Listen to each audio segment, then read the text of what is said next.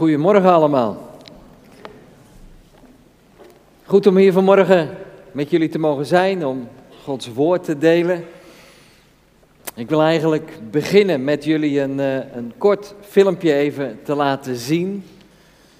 Um, over een, uh, een land waar we wel heel veel over horen, waar je wellicht hier ook al wel eens iets eerder over hebt gehoord. Maar waarvan het wel goed is om, uh, om eraan herinnerd te worden, zodat we er wellicht ook voor, uh, voor kunnen bidden. Op de een of andere manier daarbij betrokken mogen zijn. Het gaat uh, over Turkije. We gaan er eerst even naar kijken en dan wil ik zo nog heel kort even iets er ook over zeggen.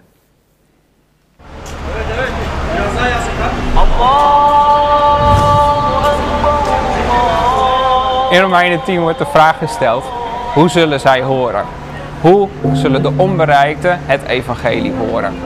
Daar als operatie mobilisatie is het ons verlangen dat het evangelie gehoord wordt door iedereen. We zijn hier in Istanbul, in Turkije, om daarachter te komen wie zijn degenen die het evangelie nog niet gehoord hebben en wie onderneemt actie.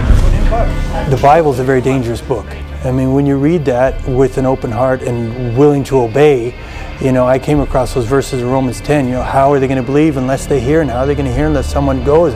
Şimdi iman etmeden evvel kuyu bir Müslüman. Ramazan ayında beş vakit namaz. Cumalara giderdi. Tatmin etmedi çünkü sevgi yoktu içinde. People are really fed up with the dominant religion here. And that's why it's so sad there's not more of us here to come and tell them and give them the hope that they're looking for.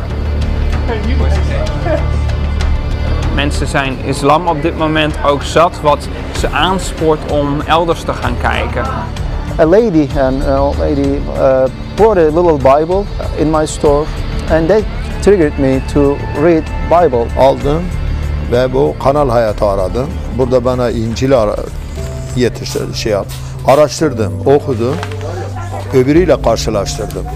Karşılaştırdıktan sonra sanki öğlen güneşi gibi benim karşıma çıktı. Gözlerim açıldı. E, Olaylarında arayışa girdim. Ondan sonra yol gerçek yaşamı buldum. Yani gerçek yolu buldum. Tabii ki biz durmuyorduk, müjde yapıyorduk, müjdeleme yapıyorduk.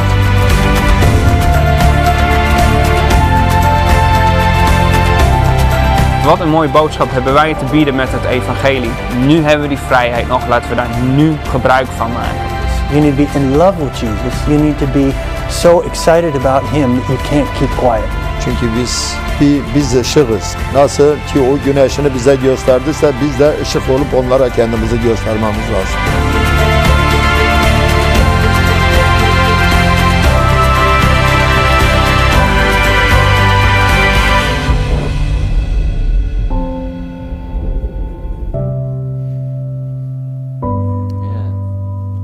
Vertelt iets over uh, een hele andere kant van Turkije, waar we zeker in het nieuws niet zoveel over horen.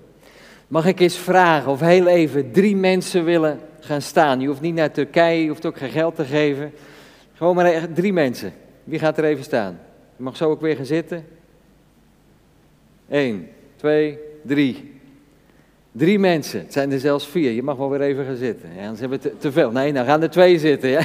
Die blijft even staan. Kijk even, op, kijk even naar deze drie mensen. Het gaat me niet om hun, het gaat me om, om de drie. Ik heb even opgezocht. In Emmeloord wonen ongeveer, misschien iets ter omgeving erbij, dat weet ik niet precies, 25.000 mensen. Een paar weken terug ontving ik een nieuwsbrief van een uh, gezin wat in Turkije werkt. Zij werken in een grote stad. En zij schreven, er is hier op de 8000 moslims, 8000 Turken, is er één christen. Het zou betekenen dat hier in Emmeloord er drie christenen zouden zijn. Dat jullie met z'n drieën de enige zouden zijn die de mogelijkheid hebben om hier in Emmeloord op dit moment het evangelie te verkondigen. Je mag wel weer gaan zitten. Dat is de situatie in die stad in Turkije. In Turkije in het algemeen zijn het er zelfs nog minder. Zij schreven, hoe kunnen wij ooit met z'n tweeën, als man en vrouw, 16.000 Turken bereiken met het evangelie. Dat kan ook niet. Maar ze zeiden, maar we hebben goed contact met een heel stel vrienden in onze omgeving. En dat is geweldig nieuws. Maar wat is het, wat is het nodig dat er meer mensen uitgaan? Dat er meer mensen ook daar naartoe gaan, zodat meer mensen het daar kunnen horen. Want het is, een, het is werkelijk onbegonnen werk. Stel je voor, jullie als enige drie hier in Emmeloord. Je zoekt elkaar op, er kunnen dingen gedaan worden, maar we kunnen het ons haast niet indenken. Moet je kijken hoeveel mensen hier zitten. Dat is de situatie daar. Wil je daar uh, uh, voor bidden als je nog eens hoort over Turkije? Als er weer eens wat over in het nieuws komt en de dingen verteld worden die we heel veel horen. Wil je er nog eens meer over lezen? Ik denk dat er wellicht eens eerder onder de aandacht gebracht is. Dan ligt er om de hoek op de, op de lectuurtafel ook nog een boek van een echtpaar wat in Turkije gewerkt heeft. Bijzonder indrukwekkend verhaal. En uh, daarbij ligt ook nog een, een magazine van ons, inspirerend, mooie verhalen, getuigenissen inspirerende gebeurtenissen. Uh, neem hem mee, lees er eens over, zodat je daar wat meer over weet. Dit wilde ik graag met jullie delen. Zo aan het begin, maar ook de rest van uh, wat ik met jullie delen wil, um, is ook wel iets in die lijn. Hoe mogen wij nou betrokken zijn bij datgene wat er wereldwijd gebeurt?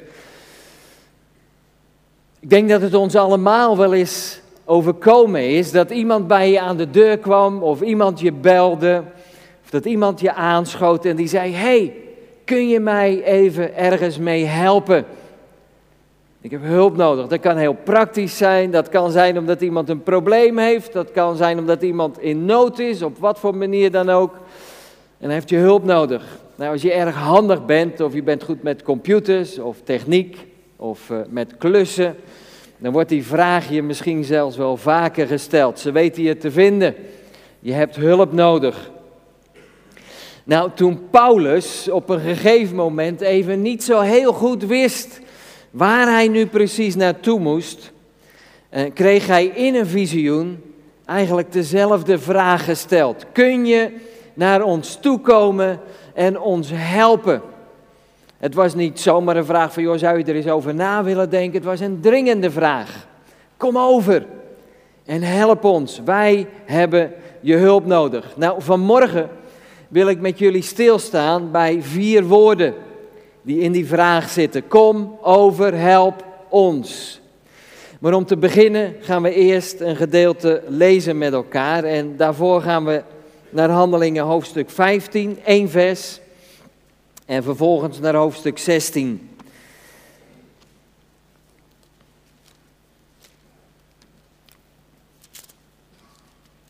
Handelingen 15,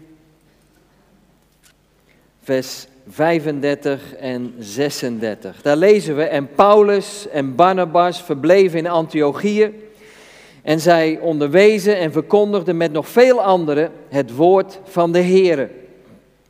En na enkele dagen zei Paulus tegen Barnabas: Laten we nu terugkeren en onze broeders bezoeken in elke stad waar wij het woord van de Heere verkondigd hebben en zien hoe het met hen gaat. Dus het doel van die volgende reis van Paulus was om terug te keren naar de gebieden waar ze al eerder geweest waren en om daar, je zou, je zou nu zeggen, een stukje follow-up te doen. Er waren daar mensen tot geloof gekomen, gemeentes waren ontstaan. En nu zei Paulus, weet je wat, we moeten teruggaan. Ik wil graag weten hoe het met ze gaat.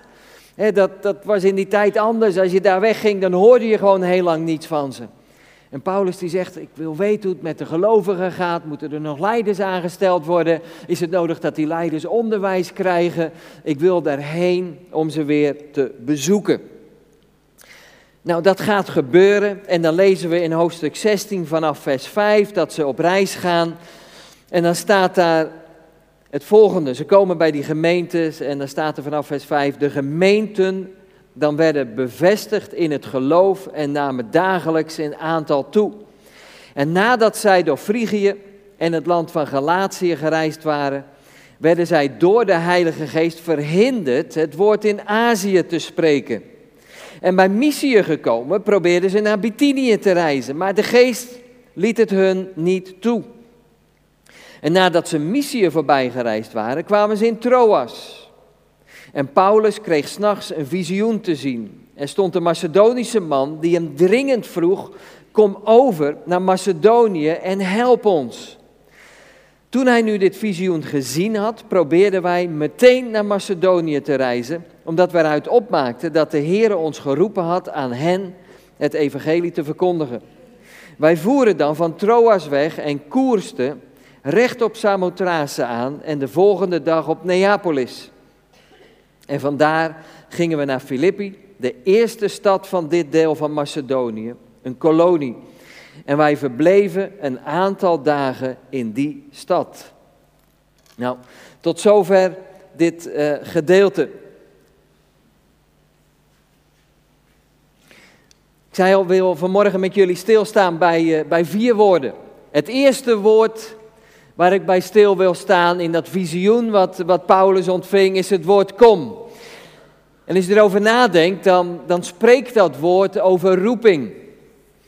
Uh, want het is uiteindelijk niet een Macedonische man die aandringt, maar het is God zelf die Paulus roept om naar Europa toe te gaan. Het is het, eigenlijk het eerste moment, de eerste keer dat het evangelie vanuit het gedeelte waar Paulus is overgaat naar Europa toe. Dat is het eerste moment dat daar het evangelie verkondigd gaat worden. En het is niet door die Macedonische man, het is God zelf die wil dat het evangelie daar verkondigd gaat worden. En als we daarover nadenken, dan is het belangrijk om te zien dat Paulus daartoe ook een roeping ontvangen heeft. En dat brengt mij voor een moment bij die roeping van Paulus.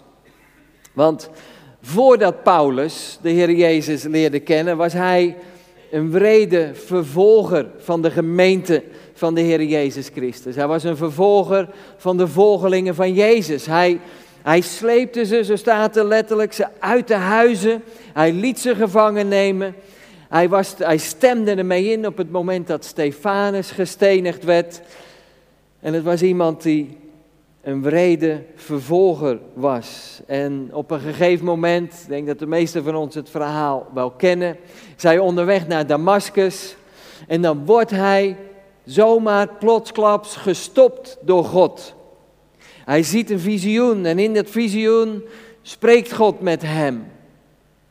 En dan is hij blind en hij kan niet meer praten en dan, dan komt hij uh, aan bij, aan een, uh, bij uh, in Damascus wordt hij meegenomen.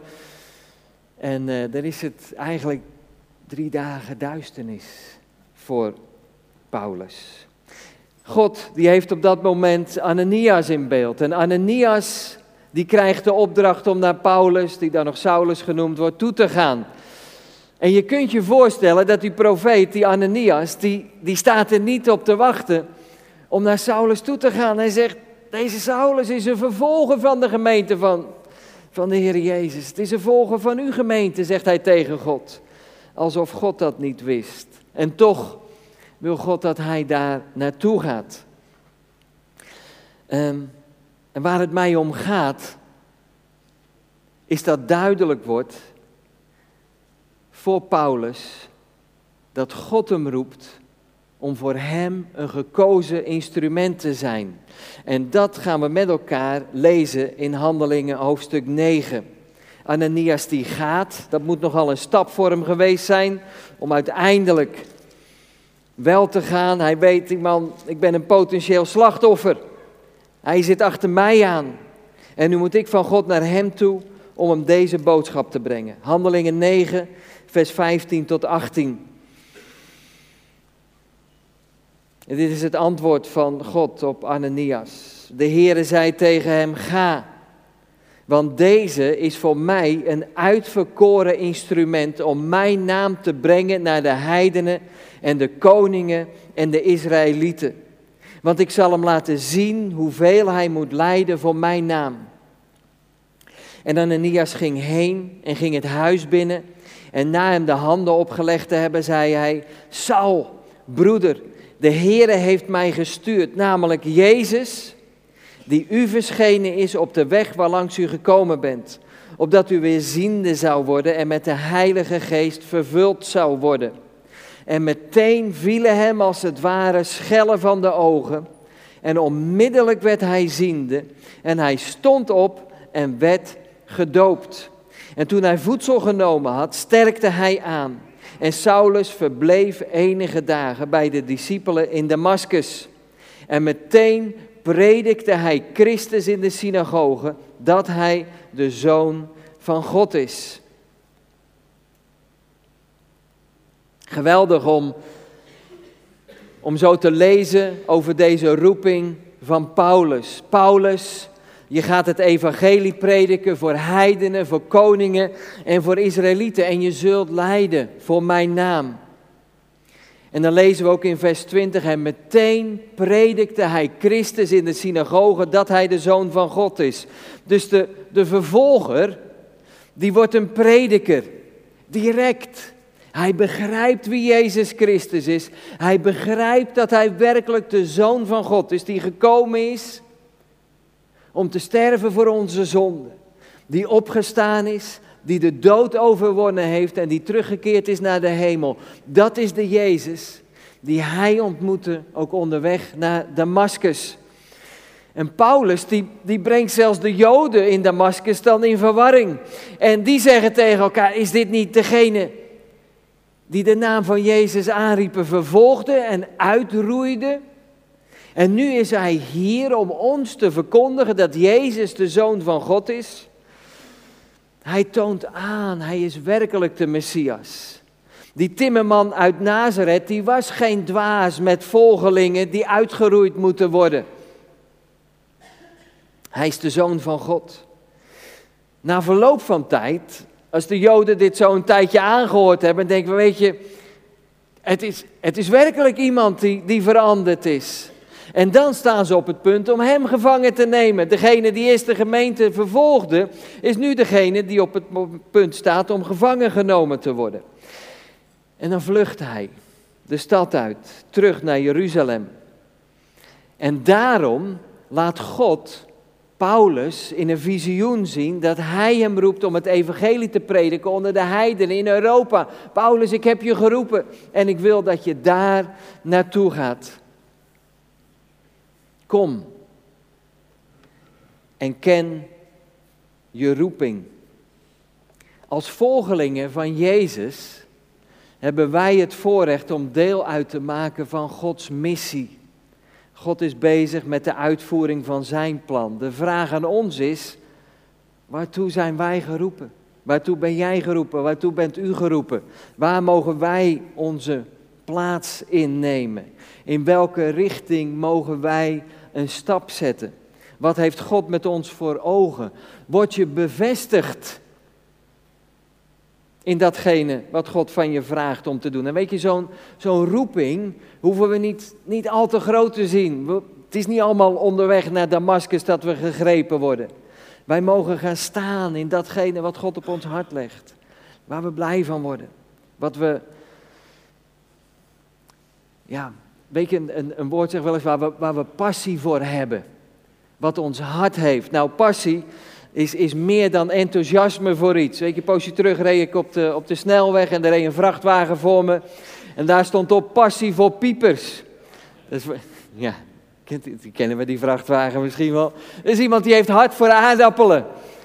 En denken we, oké, maar die, die passie, hè, dat, dat is iets wat, wat vanuit Gods woord nog wel heel veel dieper gaat. Waarvan je zegt van weet je, dat is iemand die is bereid om te lijden voor datgene waar hij hart voor heeft. Het zou kunnen dat je dat voor aardappelen hebt. Maar het gaat nog heel veel meer over de verkondiging van het evangelie ook. Waar heb je hart voor? Waar gaat je hart naar uit?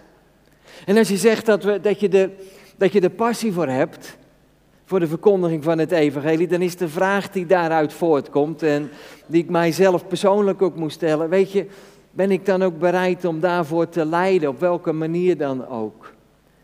Mag het mij iets kosten en hoeveel mag het mij dan kosten? En ik wil je vanmorgen uitdagen om daarmee eens naar huis te gaan. Waar weet ik mijn plek? Ben ik daar nog steeds enthousiast over? Word ik daar nog warm van? Heb ik daar nog hartstocht voor? Het kan zomaar gebeuren, en dat zie ik soms in mijn eigen leven ook wel eens, dat de dingen er zomaar inslijten. Dat we het gewoon gaan vinden. Maar word ik nog warm van die dingen die God aan mij toevertrouwd heeft? Geeft het mij voldoening omdat ik weet dat God door mij heen werkt? Geeft het je voldoening te weten dat God je ergens toe geroepen heeft? God had die roeping aan Paulus gegeven, hij kende zijn roeping, hij werd er warm van en daarom luisterde hij naar waar hij toe geroepen werd in dat visioen wat hij ontving. Want hij wist, dit is wat God van mij vraagt. Staan wij en wandelen wij in datgene wat God van ons vraagt. En doen we het met enthousiasme. Met hart voor God, omdat we weten dat Hij daardoor verheerlijkt en groot gemaakt wordt. Want God zegt, kom, jij bent mijn uitverkoren instrument. Om met de gaven en de talenten die ik aan jou gegeven heb, die ik eigenlijk al van voor de grondlegging der wereld in gedachten had voor jou, om die voor mij in te mogen zetten. Waardoor mijn naam, Gods naam, groot gemaakt wordt in deze wereld. Kom, dat gaat over de roeping. Tweede woord waar ik even bij stil wil staan is over. Kom, over. En dit woord, dat spreekt over, eigenlijk in het geval van Paulus ook over koersverandering. De richting die ze moeten gaan. Paulus die begint zijn reis, zo hebben we net gelezen, en hij gaat terug naar de plaatsen ten noorden van Israël. In het gebied wat wij nu kennen als zuidoostelijk Turkije. En hij gaat daar dus naartoe om die gemeentes weer te bezoeken. Nou, over passie gesproken. Hij was in die plaatsen geweest en in veel van die plaatsen werd hij vervolgd. Werden ze weggejaagd, werden ze gestenigd zelfs. Werden ze uitgekotst door de mensen die daar waren. Hij zegt, weet je wat, we gaan terug naar deze plaatsen. Want er zijn ook mensen die de Heer Jezus hebben leren kennen. Paulus gaat nu met Silas op stap en onderweg komt hij uh, Timotheus tegen. Die was op die eerdere reis tot geloof gekomen door de prediking van Paulus. En nu gaan ze samen op pad om dus verder te gaan. Silas en Timotheus. En dan lezen we de gemeentes die worden bevestigd in het geloof. En dagelijks worden er in aantal toegevoegd. Het werk wordt gezegend. Maar deze tweede reis, zoals wij hem kennen, wat een eerste reis van Paulus en nu lezen we over een tweede reis, dat was niet zo'n georganiseerde groepsreis zoals wij die wel kennen. misschien ben je wel eens meegeweest met zo'n reis en dan dag 1 dit, dag 2 dat, dag 3 hierheen, dag 4 daarheen. En je weet precies wat je te wachten staat. Niet zo in het geval met Paulus. Ze gingen wel op weg en ze hadden wel een idee waar ze naartoe wilden gaan, maar niet precies hoe het allemaal zou gaan verlopen. En al snel blijkt dat in dit geval de Heilige Geest de echte reisleider is. Paulus en Silas en Timotheus lieten zich leiden door Gods Geest. Ze willen onderweg naar nieuwe gebieden toe gaan. Ze willen naar een noordelijke gedeelte. En dan staat er, ze worden tegengehouden door de Heilige Geest. Geen idee hoe dat gebeurde. Maar het was duidelijk, dit is een gebied waar we niet naartoe moeten gaan. Dus kiezen ze een andere richting, richting Bettinië. En ook daar moeten ze niet naartoe gaan. En dan worden ze ook weer tegengehouden. Het gaat niet precies zoals Paulus in gedachten had. En dan gaan ze weer een andere richting op. En dan reizen ze zo'n 600 kilometer voordat ze uiteindelijk in Troas terechtkomen. 600 kilometer, dat is dagen en dagen wandelen. En geen duidelijkheid en geen zekerheid. En ik kan me voorstellen dat Silas tegen Paulus zegt: Is dit echt de richting die we op moeten gaan? En dat Timotheus zegt: Joh, ben ik hiervoor nou meegegaan? Je weet niet eens waar je naartoe wil. En toch gaan ze verder, dagenlang, totdat ze uiteindelijk in Troas terechtkomen. En dan ontvangt Paulus dat visioen. Kom over naar Macedonië en help ons. En dan is het opeens duidelijk, oh, we moesten deze kant op gaan. Nou, onverwachte wendingen in ons leven, die kunnen lastig zijn. Ik denk dat we daar allemaal mee te maken hebben. Als Nederlanders zijn we redelijk gestructureerd. En we houden ervan als dingen lang van tevoren duidelijk zijn. We zetten het in onze agenda en dan weten we waar we aan toe zijn. Maar als het dan opeens anders gaat als in je agenda staat, dan vinden we dat wel eens lastig. Dan moeten we even slikken. Ja, maar zo, zo had ik dat niet gepland. En toch loopt het wel eens zo. Ehm, maar weet je, als wij ons laten leiden door Gods geest, dan lopen dingen wel eens anders. En als wij Gods geest zien, zoals de Bijbel dat ook wel schetst, als een stroom van levend water, Um, dan zou je die kunnen vergelijken met een, uh, met een rivier. Een rivier die allerhande bochten heeft, een rivier die verschillende kanten op gaat. En als je kijkt naar hoe we het zelf graag willen, dan, dan is dat vaak als een, als een kanaal. We zien het graag recht voor ons. Een kanaal is door mensen uitgegraven. Een kanaal gaat de kortste weg van A naar B. Daar zijn kanalen voor. Zo efficiënt mogelijk, zo richten wij ons leven in. Maar als wij ons laten leiden door Gods geest, dan loopt het naar ons idee, menselijk idee, niet altijd even efficiënt. We gaan wel eens een andere kant op. Als wij ons mee laten voeren door die stroom van Gods geest, dan, dan gebeurt het ook wel eens dat we in een, in een bocht stil komen te liggen. Dat kan zomaar gebeuren door omstandigheden in ons leven. Of als we rechtdoor willen gaan, dat we ergens vastlopen. En dan is God zo genadig en liefdevol dat hij ons zijn hand uitreikt en ons weer meetrekt. Zodat we verder mogen gaan. En we meegaan naar die plaatsen. En die mensen zullen ontmoeten. Die God voor ons voor ogen heeft. Dan laten wij ons leiden door Hem. Weet je, zo'n kanaal, daar kan maar één kant op gaan. Maar als wij ons mee laten leiden door Gods geest, dan weten we dat het goed is. Dan is het niet onze menselijke planning, maar dan gaat dat samen met de leiding van Gods geest. Zo is dat hoe het in elk geval gebeurde, ook in het leven van Paulus, op vele verschillende momenten. En we hebben het nodig dat we ons laten leiden door die geest. Bepaal je koers en vertrouw op Gods leiding. En je zou kunnen zeggen, de naald van Gods kompas wijst altijd in de juiste richting. Blijf daarom dicht bij Hem en wandel in vertrouwen. Volg die naald. Luister naar Zijn stem. Dus kom over, over. Wandel in vertrouwen. Het derde woord waar wij even bij stilstaan is, is help. Kom over en help. Dit woord dat spreekt over actie spreekt over motivatie ook. Paulus, die wordt dringend verzocht om te komen. Nou, dat woord dringend, dat wordt ook wel gebruikt in, in de tijd dat Jezus op aarde was. Er kwamen de zieken, er kwamen de melaatsen. Er kwam bijvoorbeeld ook Jairus, diens dochter heel ziek was. En hij drong er bij Jezus op aan om naar zijn dochter toe te komen. Er is nood. Er moet hulp geboden worden. Er werd dringend om hulp gevraagd om naar Macedonië te komen.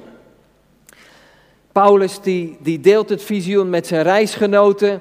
En dan schrijft Lucas, we maakten eruit op dat de Heer ons geroepen had aan hen het evangelie te verkondigen. Dus er is een hulpvraag en zij trekken de conclusie, het evangelie moet verkondigd worden. Er, had, er hadden allerhande dingen gedaan kunnen worden daar in Macedonië. Het enige wat gezegd werd is, we hebben hulp nodig. Nou, OM doet samen met heel veel andere organisaties veel aan hulpverlening ook. Ik denk bijvoorbeeld aan, mensen die op, op, op veel verschillende manieren gevangen zitten in slavernij en bevrijd worden. Er wordt noodhulp geboden in de wereld.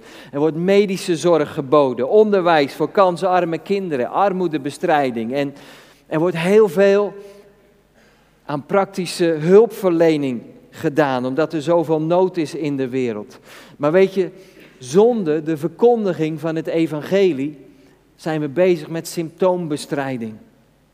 Het is belangrijk dat met die hulp ook verkondigd wordt dat Jezus Christus werkelijk degene is die uitkomst biedt. Want de onderliggende oorzaak is dat de mens een, een gevangen zit in de zonde en bevrijding nodig heeft. Want daarvoor is Jezus gekomen. Daarvoor is Hij voor onze zonde gestorven. Jezus Christus is hierin ons grote voorbeeld en in Hem vinden we de juiste motivatie om te helpen. Als ons om hulp gevraagd wordt, is dat voor ons een kans om het leven van Jezus uit te leven. Dus help en vind je motivatie in Jezus. Het laatste woord, help ons. Kom over en help ons. Nou, dit woord dat gaat over de doelgroep. En de vraag die je zou kunnen stellen, waren er dan in die andere gebieden geen mensen die Jezus nodig hadden? In, in Azië hadden ze het nodig, in Bithynië kenden de mensen Jezus nog niet. Maar op dat moment maakte Gods geest duidelijk het is nodig dat je naar deze plaats gaat. Ik wil je daar gebruiken voor de verkondiging van het evangelie. Je zou kunnen zeggen, de naald van Gods kompas wees op dat moment die kant op. Paulus, ik wil dat je daar naartoe gaat om die mensen te helpen. En zo kwam hij in Filippi terecht. Nou, Lydia, de purperverkoopster, is de eerste die daar tot geloof komt. En zij laat zich dopen.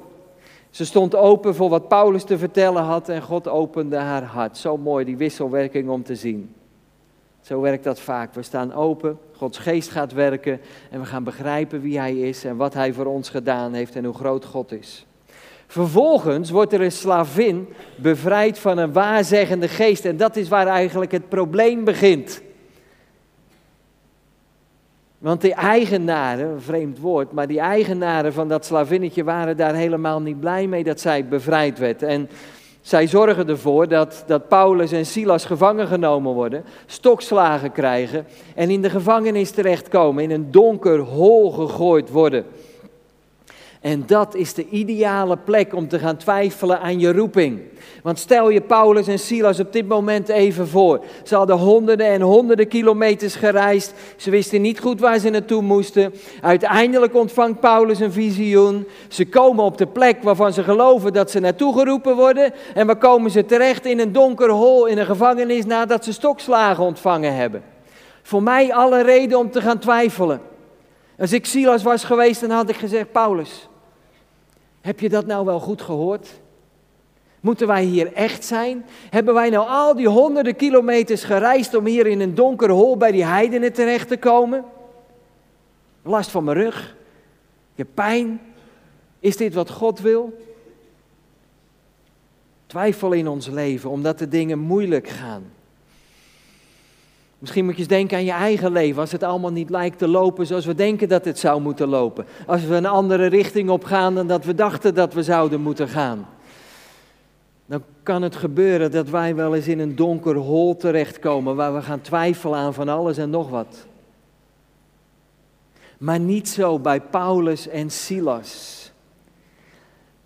Ze twijfelden niet en als ze al twijfelden, dan wordt dat overstemd door lofprijs en gebed. Vind ik zo geweldig. Dat is hun antwoord op datgene wat er op dat moment gebeurt. De gevangenen die horen het. En als ze aan het zingen en aan het bidden zijn, dan is dat een enorme aardbeving. Alle deuren die gaan open, de gevangene die komt vrij, die cipier die krijgt het te horen. Die man die wil zelfmoord plegen, die denkt wat gebeurt hier in die gevangenis? Dit, dit kost me mijn baan, dit kost me mijn leven. Laat ik er zelf maar een eind aan maken. En Paulus die zegt stop. Dit is Gods werk. Die cipier, die komt met zijn huishouden. Er zijn er meerdere die tot geloof komen. En hier zien we het ontstaan van de gemeente in Filippi. Later lezen we een brief van Paulus aan die gemeente. En die is dus ontstaan met een rijke zakenvrouw die tot geloof kwam. Met een cipier die zelfmoord wilde plegen. En een slavin die bevrijd werd van demonen. Het staat er niet letterlijk bij dat ze tot geloof gekomen is, maar ik kan me haast niet voorstellen dat het niet gebeurde. Ik kan me ook nog voorstellen dat die gevangenen die opeens vrij waren, ook zei, dit is me nog nooit eerder overkomen. Wie is die Jezus? Nou, het is een hele bijzondere gemeente die daar ontstaat. En het gaat groeien en het gaat bloeien. En dat allemaal omdat Paulus en Silas en Timotheus zich lieten leiden door Gods geest en daar gingen waar zij zich toe geroepen wisten. En zo is het nodig dat wij leren luisteren naar Gods stem en zeggen, Heere God, wilt u mij maar zo leiden dat de juiste mensen op mijn pad komen. Dat ik daar naartoe ga waar u mij toe geroepen hebt, om datgene te doen wat u van mij vraagt. Kom over en help ons. Weet wie je helpt, omdat je je laat leiden door de naald van Gods kompas. En je wordt meegevoerd in de stroom van Gods geest. Kom over en help ons. Ten slotte, deze vier woorden herinneren mij aan twee mensen. De eerste is een broeder die ik tegenkwam in China. Ik was daar ergens helemaal in de, in de binnenlanden van China en hij was daar al jaren en jarenlang betrokken bij Bijbelvertaalwerk. Op dat moment was hij consulent van tien vertaalprojecten. Hij begeleidde mensen, Chinezen, die daar bezig waren met de vertaling van de Bijbel. Maar hij zei, weet je, er zijn nog honderden en honderden volken in China die op dit moment geen toegang hebben tot het evangelie. En hij drong er sterk bij mij op aan om hier in Nederland te vertellen dat er meer werkers nodig zijn, zodat ook zij de God gaan kennen die zij mogen verheerlijken. We zijn ermee begonnen, Romeinen 15. Het evangelie voor alle heidenen, het evangelie voor de volken. We hebben het net gelezen met elkaar. Die volken weten alleen nog niet dat zij geschapen zijn door die, die geweldige God, de schepper van hemel en aarde. En dat zij het mogen gaan horen. En hij drong erop aan, vertel ze. Er zijn meer mensen nodig. Tweede persoon waar ik aan moest denken is een collega in Egypte. Hij begeleidde ons toen we daar een, eh, een poos geleden met een, eh, een, een groep ook waren. En het leek wel of die jongen altijd bezig was. En ik vroeg hem, neem je ooit wel eens rust joh? Heb je, heb je wel eens vrij? En hij zei, te weinig. Te weinig. Hij zegt, maar ik woon in een stad met 20 miljoen inwoners. Waarvan de meeste Jezus Christus niet kennen als verlosser en zaligmaker, als zoon van God. Hij zegt, wat kan ik doen? En hij drong er bij mij sterk op aan. En hij zei, vertel de mensen in Nederland dat we meer werkers nodig hebben. Vertel ze dat de oogst groot is en dat de velden wit zijn om te oogsten. Maar er zijn werkers nodig. Kom over en help ons. Er zijn op deze wereld nog steeds zo'n 3,1 miljard mensen die nog nooit of nauwelijks het evangelie gehoord hebben. Die heel moeilijk toegang hebben tot het evangelie. Kom over en help ons. Dat kan op heel veel verschillende manieren. Het is mijn verlangen dat we nadenken over deze vier woorden. Dat we nadenken over onze roeping. Dat we nadenken over de richting die God voor ons heeft. Dat we nadenken hoe we tot hulp mogen zijn. En dat we nadenken op welke manier we tot hulp mogen zijn voor de mensen die we ontmoeten. Dat we ons laten leiden door Gods geest. Dat we de naald van zijn kompas zullen volgen in ons leven. Zodat God door ons heen verheerlijkt en groot gemaakt wordt. Mag ik nog met jullie bidden?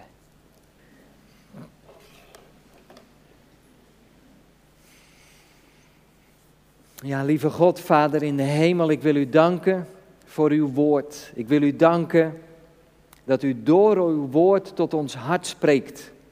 U maakt uzelf daarin bekend.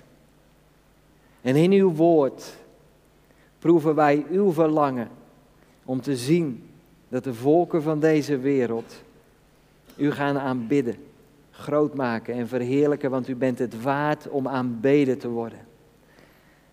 Heer, en er moeten nog zoveel volken toegevoegd worden aan die menigte die straks voor uw troon staat om u groot te maken. We hebben het voorrecht dat we uw woord gehoord en ontvangen hebben. Dat we u, Heer Jezus, kennen als onze verlosser en zaligmaker. Mag het er ons toe aansporen om in ons dagelijks leven daarbij betrokken te zijn. Heer, we hoeven niet ver weg. Ze komen allemaal dichtbij. Heer, open onze ogen, open onze harten. Leer ons zien, Heer, waar uw naald van uw kompas naartoe wijst, zodat we daar gaan waar u van ons vraagt. En als dat aan de overkant van de straat is, dan is de overkant van de straat. Als het ergens anders is, dan is het ergens anders. Als we maar daar zullen zijn waar u ons wilt hebben. Want u leeft in ons, u werkt door ons en door ons heen komt u tot uw doel. Daar dank ik u voor. Daar dank ik u voor. Heren, leer ons met u te leven. Ik wil u danken voor deze gemeente. Ik wil u danken voor mijn broers en zussen hier. Ik wil u ook bidden en danken voor mensen die hier wellicht zitten en nog zoekend zijn. Wie is die Jezus? Wilt u uzelf ook aan hen openbaren? U bent geweldig. U bent voor ons gestorven. U bent weer opgestaan. Nieuw leven geschonken, hoop en een geweldige toekomst. Tot eer en glorie van uw naam. Amen.